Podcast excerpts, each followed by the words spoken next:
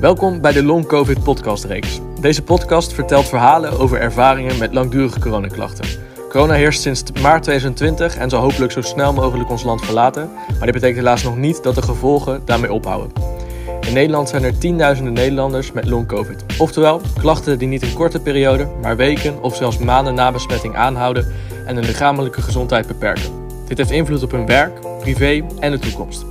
In deze podcastreeks hoor je medewerkers, verzuimspecialisten en de gezondheidszorg aan het woord om hun ervaringen te delen.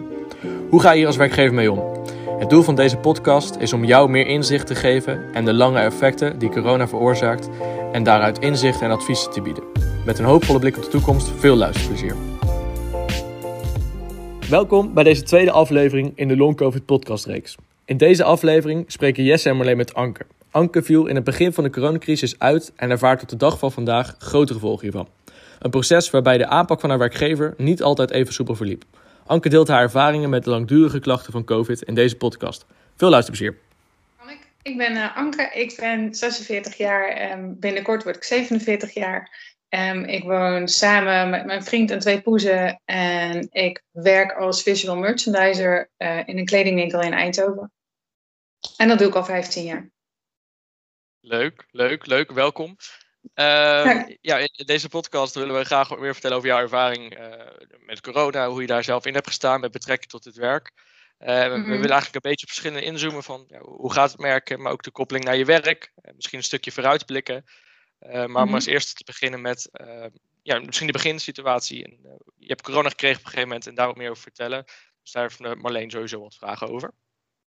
Ja, nou, zoals Jesse dus al wij uh, willen eigenlijk beginnen bij de beginsituatie. Uh, want we begrepen dat je inderdaad besmet bent geraakt met corona. Um, Zou je ons daar een beetje in mee willen nemen? Hoe het is verlopen? Ja, dat is goed. Um, nou, ik ben um, voordat de hele coronasituatie zeg maar losging, was ik eigenlijk net het laatste staartje van herstel aan het doen van een uh, postviraal syndroom. En uh, ik was alweer fulltime aan de slag. En ook echt heel druk aan de slag, omdat uh, onze store manager uh, met een burn-out thuis zat. Dus ik had samen met een collega de leiding over de winkel. Dat was echt alles wat er te doen was, deden we met z'n twee. En dat ging best goed. En ik was drie weken fulltime aan de slag. En toen brak corona uit. En liepen er in één keer um, hoestende en niezende mensen om me heen. En een, een, collega die kwam werken en die stond echt letterlijk in een hoekje bijna de ziel eruit te hoesten. En in één keer was het zeg maar paniek overal. En um, ja, ergens um, in die uh, paniek zijn er allerlei dingen, zeg maar, uh, mensen ziek geworden en uh, ik gestrest geraakt. En ja, dat was allemaal niet zo heel leuk meer. Toen is op 18 maart is de winkel gesloten. Toen zijn eigenlijk alle winkels zo'n beetje unaniem uit zichzelf dichtgegaan. En um, in de week van 8 april ergens, ik kan het niet precies pinpointen, um, maar um, heb ik klachten gekregen. En nou ja, dat was dus niet echt een aanleiding om me ziek te melden omdat de winkel dicht was. Dus ik denk, nou, ik zie dat gewoon uit. En uh, tegen die tijd dat we open gaan, is alles weer prima. Um, toen kreeg ik op 24 april kreeg, uh, bericht in de groepsapp um, dat de winkels op 1 mei weer open zouden gaan. En dat mijn uh, collega ook alvast heel enthousiast aan de regiomanager had doorgegeven um, dat we allemaal beschikbaar waren voor werk en dat iedereen weer stond te popelen om aan de slag te gaan, terwijl ik heel duidelijk steeds had aangegeven van nou nee, het gaat nog niet goed en ik ben nog ziek en ik heb nog koorts en ik had alle symptomen. Ja. Um, dus ja, toen moest ik uh, met mijn regiomanager gaan bellen om te zeggen van ja, luister, prima dat zij dat door heeft gegeven, maar uh, ik kan niet werken, want ik heb al die klachten. En zij geloofde mij niet en vertelde me dat ik niet ineens, niet ineens klachten kon hebben. En dat ze me dus niet ziek kon melden, want iedereen was verkouden en we waren allemaal aan het werk en uh, ja. iedereen moest aan de bak. Dus toen heb ik de huisarts gebeld, omdat ik dacht, ja, je kan mij nog meer vertellen, maar zoals ik me voel, kan ik niet komen werken. Daarbij, ja. uh, volgens mij waren de voorschriften duidelijk dat je thuis moest blijven. Ja. ja. En ik heb dus die doktersafspraak gemaakt. En die heeft, uh, de dokter heeft ook gezegd, nou luister, je hebt letterlijk alle symptomen die je hebt, zeg maar, met corona. Alleen we kunnen je niet testen, want je werkt niet in de zorg. Maar uh, neem van mij aan, je hebt corona en je mag niet gaan werken. Ja. Dus toen was mijn ziek uh, wel officieel. Ja, en toen was het eigenlijk dus officieel van, je had corona. Toen was nog wel redelijk de beginsituatie natuurlijk. Er was nog niet ja. zoveel bekend, iedereen was nog een beetje aan het uitzoeken. Speelde ja. dat ook wel mee? Dat misschien dat het gewoon nog veel onduidelijk was? Dat daarom ja, een beetje misschien wat, wat flexibeler bij om werd gegaan? Ja, misschien wel. Maar aan de andere kant waren er toen al wel um, richtlijnen van het RIVM. Dat als je verkoudheidsklachten hebt in combinatie met koorts, dat je dan niet mocht gaan werken. Ja. Die lagen er al. Dus dat, eigenlijk was het in die zin wel duidelijk dat ik gewoon niet moest komen werken. Maar ja, daar hadden we dus meningsverschillen over. Laten we het daar maar op houden. Ja. ja.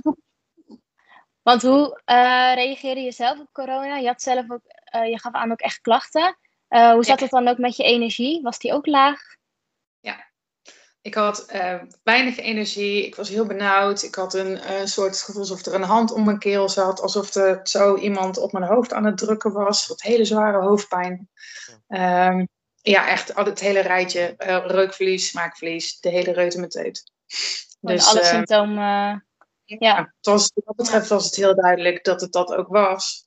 Um, en ik moet zeggen dat ik daar heel erg van in paniek raakte, omdat ik natuurlijk nog net, net pas hersteld, misschien nog niet helemaal beter was. Ja. En um, bang was dat mijn immuunsysteem um, daar niet zo goed mee om zou kunnen gaan. Nou ja, ja later, hè? Think. Ja. ja. Want even terug naar uh, wat je zegt inderdaad van nog niet helemaal hersteld. Hoeveel weken mm-hmm. zaten daar ongeveer tussen? Want dat zat best dicht op elkaar. Ja, dat is een, een drie à vier weken maximaal geweest. Ja. ja.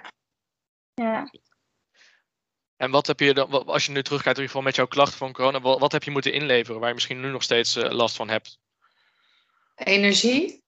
Ja. Uh, ik heb um, um, met behulp van mijn ergotherapeut heb ik uh, wel een soort van energieverdeling kunnen maken. Ja. Uh, maar mijn, mijn dagen zien er nu uh, totaal anders en echt structureel anders uit. Ja. Elke activiteit die ik doe, moet ik ook weer afwisselen met een rustmoment, soms een heel uitgebreid rustmoment. Ja. Uh, en ook de leuke dingen moet ik plannen. Ik moet alles plannen, omdat ik ook rustmomenten moet inplannen. En als ik dat niet doe, dan krijg ik gewoon een terugval. Ja. Dus, ja. dat is, dus echt fors ingeleverd. ja. Is dat ook de grootste verandering? Dat je alles moet limiteren misschien? Omdat je eigenlijk gewoon nog niet alles kan. Ik kan me voorstellen dat je heel veel wilt, maar dat gewoon dat lichaam nog niet aan kan. Is dat dan het grootste ja, wenning? Ja, daar komt, dat, dat is um, letterlijk in mijn dagen is dat de grootste beperking. Sorry, ik merk af en toe ook dat mijn stem dan begint te haperen, maar dat geeft niet, daar heb ik mijn water voor. Um, maar dat is um, zeg maar daadwerkelijk in mijn leven wel de grootste verandering. Dat ik alles moet inplannen nu. En als ik, gisteren had ik bijvoorbeeld een, een oud collega die zei: Goh, zullen we leuk een keer bellen? En dan moet ik echt denken: Oké, wat heb ik deze week allemaal ja. nog staan?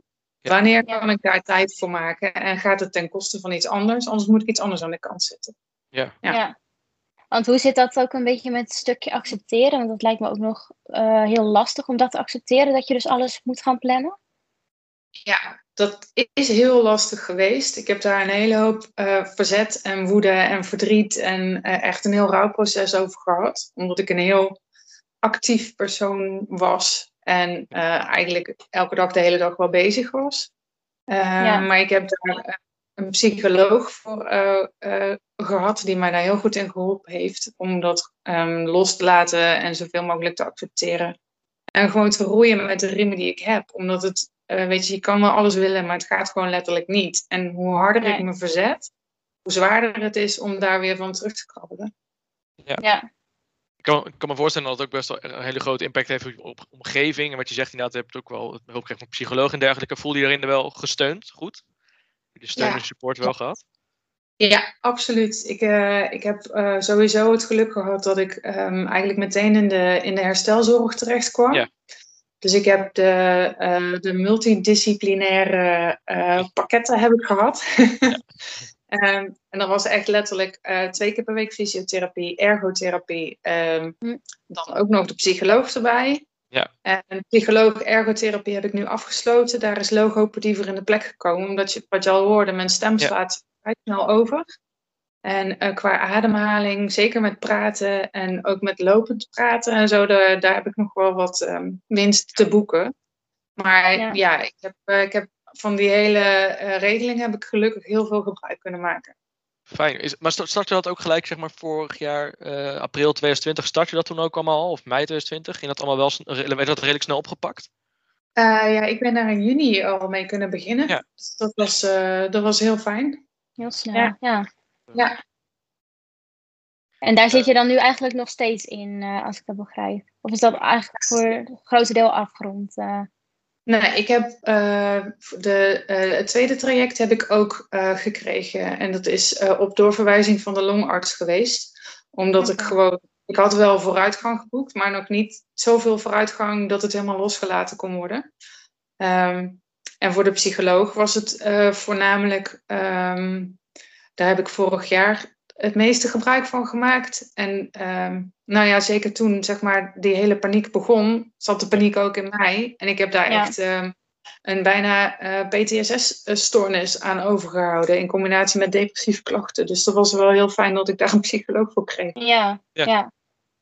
Wel ja. fijn dat dat uh, inderdaad ingeschakeld is dan. Dan zat het wel inderdaad heel diep. Mm -hmm. Ja. Ja, klopt. Um, ja, we hebben een beetje een beeld van hoe, hoe de klachten voor jou, hoe het persoon, persoonlijk ervaren hebt, de klachten die je hebt ervaren. Maar is dat natuurlijk ook al waar je net op, op, op toen je even je voorstelde, waar kwam, uh, je situatie met je werk, wat niet even mm -hmm. soepel ging. Nee. Uh, even terugzoomen, uh, uitzoomen misschien. Hoe zag jouw werkweek daar voor corona uit? Voordat je zelf klachten kreeg, je zei ik was erg druk. Ja. Kan je daar even ons een beetje meenemen? Ja, um, sowieso had ik een functie van 38 uur. Ja. Um, ik werkte van dinsdag tot en met zaterdag, ook nog met koopavonden erbij. En um, in die uren deed ik naast al het visual merchandise werk ook nog de klantenservice en meehelpen met de vracht uitpakken en uh, zorgen dat uh, de kassa's geteld waren. En als mijn manager er niet was, dan had ik ook de leiding. Dus ik deed alles de hele dag, elke dag. En um, thuis waren we natuurlijk ook nog uh, vrij actief. Um, met z'n tweeën wandelen en um, gamen en winkelen zodra we de tijd hadden. Dus echt, uh, echt wel een druk actief leven. Ja, ja, ja. echt een volle week ook uh, elke week. Ja, ja, ja. zeker. Ja. En, en, je vertelde dus, je hebt je in eerste instantie niet ziek gemeld, want ja, de winkels zaten dicht met de hoop van, nou, als het weer over is, dan heb ik geen klachten meer, dan kunnen we gewoon weer aan het werk. ja. Maar je, je bleef ziek en uiteindelijk mocht je weer open. Hoe reageerde je werkgever toen op je, op je ziekmelding? Met eigenlijk dat je zei van ja, ik ben gewoon nog echt ziek. Ik heb gewoon nog echt last van. Want je was niet de enige, vertelde ja. je ook. Nee, er, uh, er waren uh, in totaal waren er uh, vier collega's die allemaal corona gehad hebben. Um, en ik ben met één collega met langdurige klachten blijven zitten. Zij zit op dit moment ook nog steeds op hetzelfde punt als ik. Ja. Okay. Um, maar ja, mijn werkgever reageerde daar niet heel um, aardig en subtiel en uh, meelevend op. Um, wat ik al zeg, ik, ik heb me toen bij de dokter uh, zeg maar laten checken. En um, zij vertelde me dat ik niet mocht gaan werken. En toen was eigenlijk het enige wat de regiomanager nog zei: Oh, ja, dan gaat iemand van HR je bellen. En uh, nou, sterkte, doei. En dat was letterlijk het gesprek. En vervolgens heb ik drie maanden niks gehoord. Daar is helemaal niks meer van uitgekomen. Het was gewoon stil. Niks. Ja, doodstil. Drie maanden lang helemaal niks. Dus toen stond je ziek gemeld en het was gewoon wachten op een betermelding, maar verder geen contact. Ja, klopt. Helemaal niks. En ook het gesprek ook geen stappen van we nemen nog een keer een ander moment uh, contact op of uh, we doen dit en dat. Nee, helaas. Echt helemaal nee. niks. En ik heb um, uiteindelijk uh, moesten natuurlijk van de wet poortwachter moesten van alles in gang gezet worden. Ja. En uh, nou ja, dat is ook letterlijk doordat het van de wet moest, is dat gedaan. En uh, daar zijn minimale inspanningen zijn daaruit voortgekomen.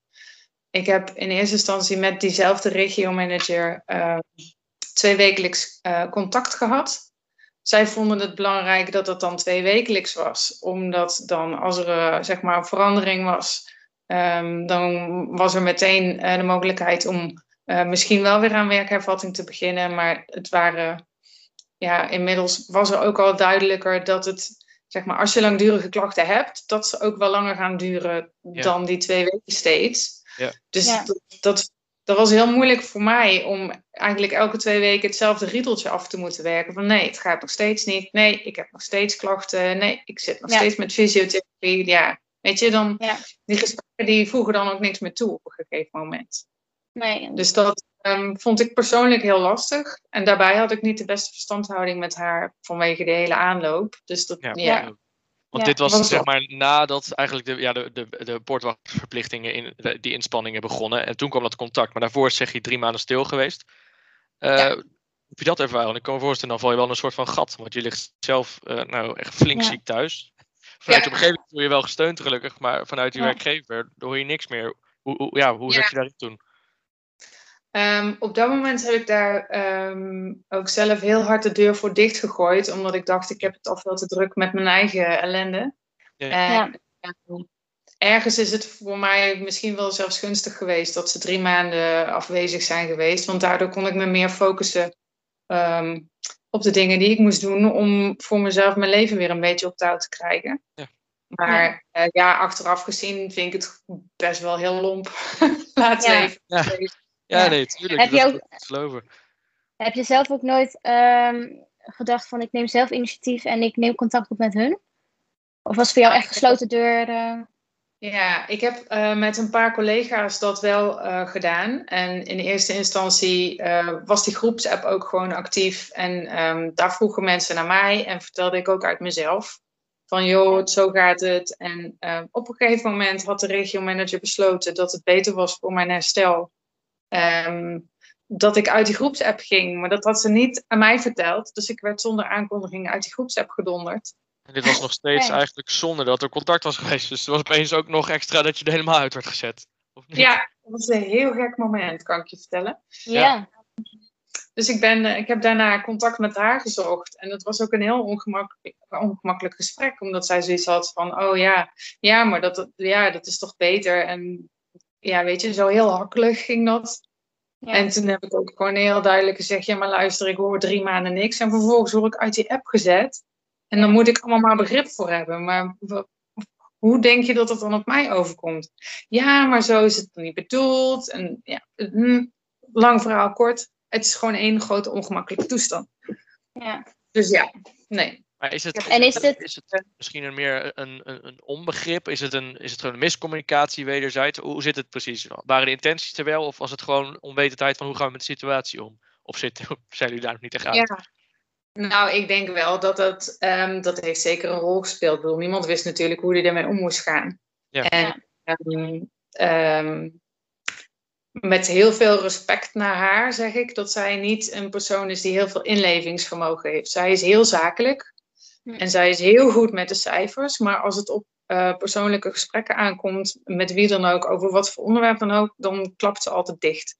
Ja. Dus ik heb het, daar, ik heb het ook niet in die zin persoonlijk opgepakt, want ik weet gewoon dat ze dat vermogen niet ehm, lijkt te hebben. Ja. Maar goed, Want wat jij. Ik geloof- wat jij hier zonder die, zonder die in, op die verstandhouding misschien in te gaan. maar Inderdaad, maar dat, dat liep misschien niet altijd even soepel. Ehm, Mhm. Maar op, op een gegeven moment hoor je weer wat. Is dat een oproep op de bedrijfsarts? Of hoe gaat dat eerste contact weer na drie maanden? dat is eh, allemaal via de bedrijfsarts gegaan, inderdaad. En die heeft ehm, ook gezegd van eh, jullie gaan dan één keer in de twee weken eh, gaan jullie contact hebben. Ja. En dan ga je even bespreken hoe het gaat en wat je gedaan hebt en of je nog leuke dingen gedaan hebt. En ehm, dan heb je daarna weer met mij contact en dan weet je wel, zo gaat dat dan. Dus dan had ik elke twee weken had ik ehm, s ochtends de regiomanager aan de lijn en smiddags de bedrijfsarts. Daar kwam het eigenlijk op neer. Ja, Was dat, was dat fijn? Was dat weer een opluchting? Een soort van dit de behoefte dat het wel weer was? Iets van een begeleiding, iets van een handvat? Of was het Eh, nog wel ja. lastig? ene kant wel, ehm, omdat ik mijn verhaal kon doen en omdat er iemand naar luisterde. Aan de andere kant niet, omdat er zo weinig vooruitgang in zo'n korte tijd zat steeds. Ehm, dat ik echt me op een gegeven moment een soort van kapotte plaat voelde. Omdat ik dacht, ja nee, nee, ik heb, ik heb ook niks leuks gedaan. En eh, als ik een terugval had, dan eh, was het al helemaal lastig. Want dan moest ik heel die terugval gaan uitleggen. En dan, omdat zij dus niet echt snapte eh, hoe dat werkte, kreeg ik dan vervolgens de vraag van, oh, en wat ga je dan morgen voor leuks doen? En dan denk ik, ja, maar ik kan niks leuks doen, want ik heb een terugval. Dus dat gaat niet. Maar ja, dus dat uh, ja, is gewoon heel dubbel allemaal. Ja. Ja. Begrijpelijk, ja. En uh, waar ik nog uh, nieuwsgierig naar was, is wat je eigenlijk allemaal vertelt. Is dat uh, voor die collega van jou, die had ook long COVID, begrepen. Heeft hij precies hetzelfde ook, ook meegemaakt? Is die ook uit de groepsapp gegooid? Of hoe, nee, nee, zij is um, um, zeg maar haar klachtenverloop is anders geweest. Dus zij is ook tussendoor nog een paar uurtjes weer gaan werken. Daarna weer een terugval gehad en weer uitgevallen. Dus zij is wat dat betreft wat actiever betrokken gebleven, denk ik, bij de, bij de hele uh, groep. Uh, maar ze zit nu alweer langdurig thuis. En nu hoort ze dus ook alleen maar de, de verplichte dingen. En verder is het ook stil. Ja, want hoe zit het er nu met dit bij? Na het, het tijdje toen uiteindelijk de poortwachtverplichtingen zijn gaan lopen. Uh, daar loopt nu waarschijnlijk ook nog een deel van. Hoe is het contact nu? Zit er een wat vooruitgang in? Ik bedoel, je bent nog herstellende. Uh, Is het nu een soort van beter proces waar je in zit? Uh, ja, voor mezelf sowieso. Um, ik heb op dit moment uh, geen contact meer met die regiomanager, maar gewoon met mijn store manager. Ja. En um, met die man ben ik naast mijn werk ook persoonlijk bevriend, dus dat praat stukken makkelijker. Ja. En uh, daar heb ik ook niet hele verhalen nodig om uit te leggen hoe het gaat. Soms kan ik gewoon zeggen, het gaat kloten. En dan weet hij, dan moet ik morgen weer verder vragen, want daar is nu niet het moment voor. Dus nee. dat is wel fijner, stukken fijner. Ja. ja. ja. En sinds wanneer is dat een beetje gaan lopen met, uh, met die persoon? Dat die switch is gekomen? Uh, dat is nu een maand of vier, ja, zoiets. Ja, drie maanden. Ja. ja. Oké. Okay.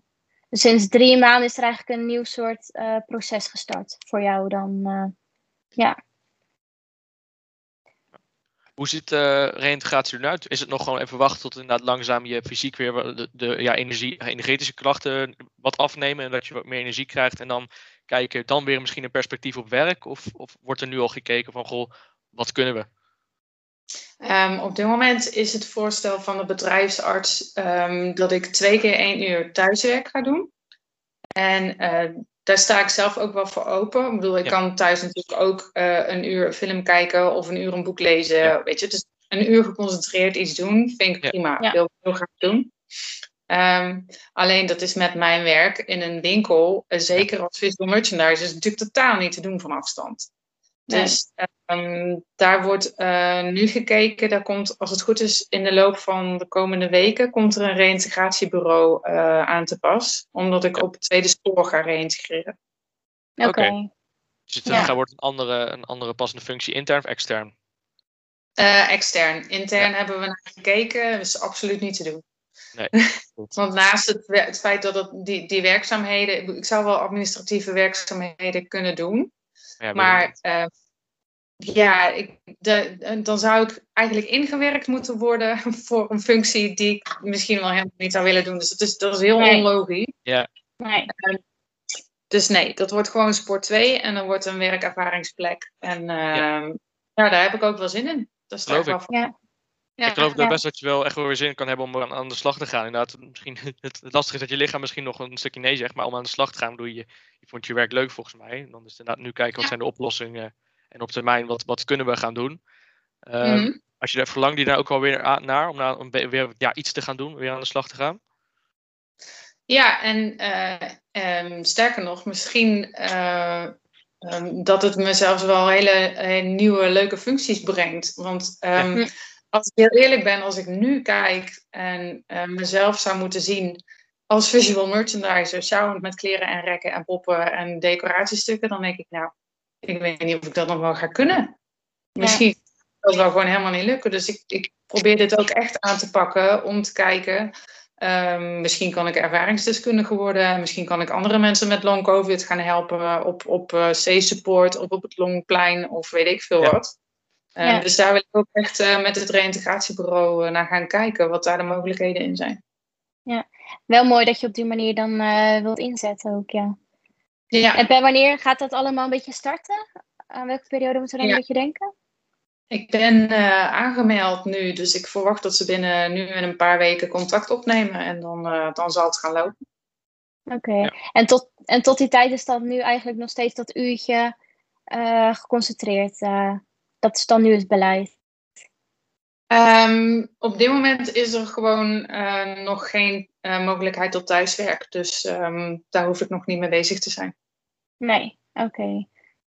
Ja. Maar je uh, wel dat, dat, dat het toekomstperspectief er wel een beetje ligt. Dat het toch inderdaad, we weten waar je naartoe kan gaan. Dat er ook langzaam meer opties komen. Want als je dan terugkijkt op zeg maar de situatie met je, met je werkgever. Dat het allemaal niet zo liep, ja, lekker liep. Wat had je toen wel Mhm. nodig gehad? Misschien in die drie maanden stilte. Wat heb je toen echt gemist? Waar je achteraf denkt van dat had ik nou echt, ja daar had ik echt wel behoefte aan. Ja, gewoon een simpel kaartje zou heel leuk geweest zijn. Ja. Um, Ja. Iemand die eens een keer uit zichzelf een appje stuurt van joh, hey, lang niet Ja. gesproken. Je hoeft me niet het hele verhaal te vertellen, maar hoe gaat het? Ehm, weet je, gewoon kleine, kleine Ja, aandachttekentjes. kleine gebaren. Ja, Ja. Dan is aandacht misschien ook wel het sleutelwoord natuurlijk. Want omdat vanuit je, vanuit je collega's, net zegt, vanuit je, vanuit je, ja, je, je hogerop, daar, daar, daar was het inderdaad angstvallig stil. En vanuit je collega's Mhm. mee, want er zaten toch een aantal in hetzelfde schuitje. Hadden jullie onderling wel een Mhm. beetje contact? Eh, ja, in het begin wel, maar op een gegeven moment is dat ook eh verwaterd, omdat we natuurlijk met ons, met ons eigen herstel heel druk bezig waren. Ja. Ehm, maar eh, van een aantal mensen, ehm, daar had ik privé, wat ik al zeg, net als met de storemmanager, daar had ik gewoon goed contact mee. Dus ook al eh, hadden we niet elke week elkaar aan de lijn, we weten wel dat we aan elkaar denken. En dat is ook heel fijn. Je- Soms hoef je niet Ja. fysiek aanwezig te zijn om te weten dat iemand aan je denkt. Ja. En dat, ehm, dat is met een aantal mensen is dat eh, wel gewoon gebleven, gelukkig. Ja. Kan Ja, goed dat is wel fijn, ja. ja. En eh, gezien de tijd, eh, denk ik dat we een beetje naar de afronding ook moeten gaan. Ehm Anke, als we aan jou nog mogen vragen, hoe, jij nu kijkt naar de toekomst. Je noemde net al wat dingen natuurlijk over, over corona, dat je daar mensen ook wil helpen. Ja. Ehm, hoe zie je dat specifiek nog voor je? Wat concreter? Je viel net een klein stukje weg, nog een keer. Oh, hoe, je dat specifiek, hoe je dat specifiek voor je ziet. Zie je dat in Ja. een aantal jaren gebeuren, in een aantal maanden? Denk je eerst je eigen proces of tegelijkertijd? Ehm, nou ja, ik ben eh, gelukkig wel een heel eind in mijn eigen proces natuurlijk vooruit gegaan. Eh, Ja. Ik verwacht dat dat ehm, toch wel eh, de stijgende lijn zal blijven. Ehm, dus ik eh, hoop en verwacht dat ik binnen een jaar ehm, zeg maar een heel fijn nieuw pad heb kunnen kiezen. En eh, dat ik daar ook echt al stappen in gemaakt heb. Ja, Ehm, daar, zal, daar zal misschien wel een omscholing bij komen, maar dat is dan weer een thuisstudie of zoiets, wat ik dan weer in mijn eigen tempo kan doen. Dus eh, Ja. ja, ja, dat, eh, dat zie ik wel heel positief. ja. wel een mooi vooruitzicht. eh. Ja, zeker. zeker. ja. En om af te sluiten als laatste vraag misschien, kijken naar je eigen ervaringen vanuit je werkgever, maar ook jezelf als werknemer. Welk advies zou je meegeven? Richting anderen die misschien ook struggelen met long covid. Ja, nou, dat was, ehm, daar heb ik eventjes opgeschreven, want daar had ik wel wat ideetjes over. Sowieso stuur een keer een kaartje, want Ja. dat is een hele kleine moeite en dat, eh, Hele, daar- doe ik heel veel plezier mee. Ehm, ik pak heel even mijn lijstje hoor. Tuurlijk. En wel even niet erbij. Ehm, even kijken. Ehm, druk uitoefenen begrijp ik vanuit een werkgever heel goed. Want je wil dat iedereen aan de slag komt. En het kost allemaal geld. Maar ehm, mensen met long covid oefenen al heel veel druk uit zichzelf. Op zichzelf. En ehm, ja, dat zou dus zo min mogelijk moeten zijn. Want daarmee ehm, versterk je alleen maar de stress. Ja. Dus dat zou ik, eh, zou druk uitoefenen, zou ik eh, zo min mogelijk proberen te doen. Ehm, en wat ik ook wel heel belangrijk vind, ehm, wat ik gemist heb bij mijn eigen werkgever, ehm, op de contactmomenten eh, waar bijvoorbeeld een eh, functionele mogelijkhedenlijst van het UWV ingevuld moet worden, of dingen waar formulieren, eerstejaarsevaluatie, dat je van tevoren even met die persoon eh, contact opneemt via mail of via app of wat dan ook. Maar dat ze zegt, joh, we hebben donderdag gesprek. Dit en dit en dit wordt er van je verwacht. Bereid je daar even op voor of lees je in. Maar weet dat die vragen eraan zitten te komen. Want dan kan iemand eventjes voor zichzelf een soort van eh, checklistje maken. Dat hij ook niks vergeet te zeggen. Ja, ja. is Gewoon wel wat duidelijkheid. eh, ja. Ja. ja. Dus Mooi dat, toch? dat, ja. Ja. Mooie Dankjewel. adviezen inderdaad. Eh, Ik denk dat we hem daarmee eh, ja, ook voor nu kunnen afsluiten. In ieder geval super bedankt dat je je ervaringen wilde delen. En eh, ja, ik denk dat het inspirerend is voor eh, misschien wel werkgever en werknemer. dat in ieder geval dat en voor je ervaring... openheid, eh, Ja, je openheid super ook niet bedankt vergeten. Ja. Graag gedaan. hartstikke bedankt.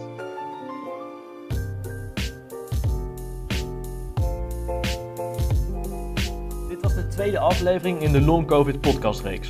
Bedankt voor het luisteren naar het verhaal van Anke en haar ervaringen met long COVID. In de volgende aflevering spreken we Frank, die zijn ervaringen deelt met de begeleiding van medewerkers met long COVID als verzuimconsultant bij Arbeidienst Perspectief. We nodigen je van harte uit bij de volgende aflevering. Tot dan!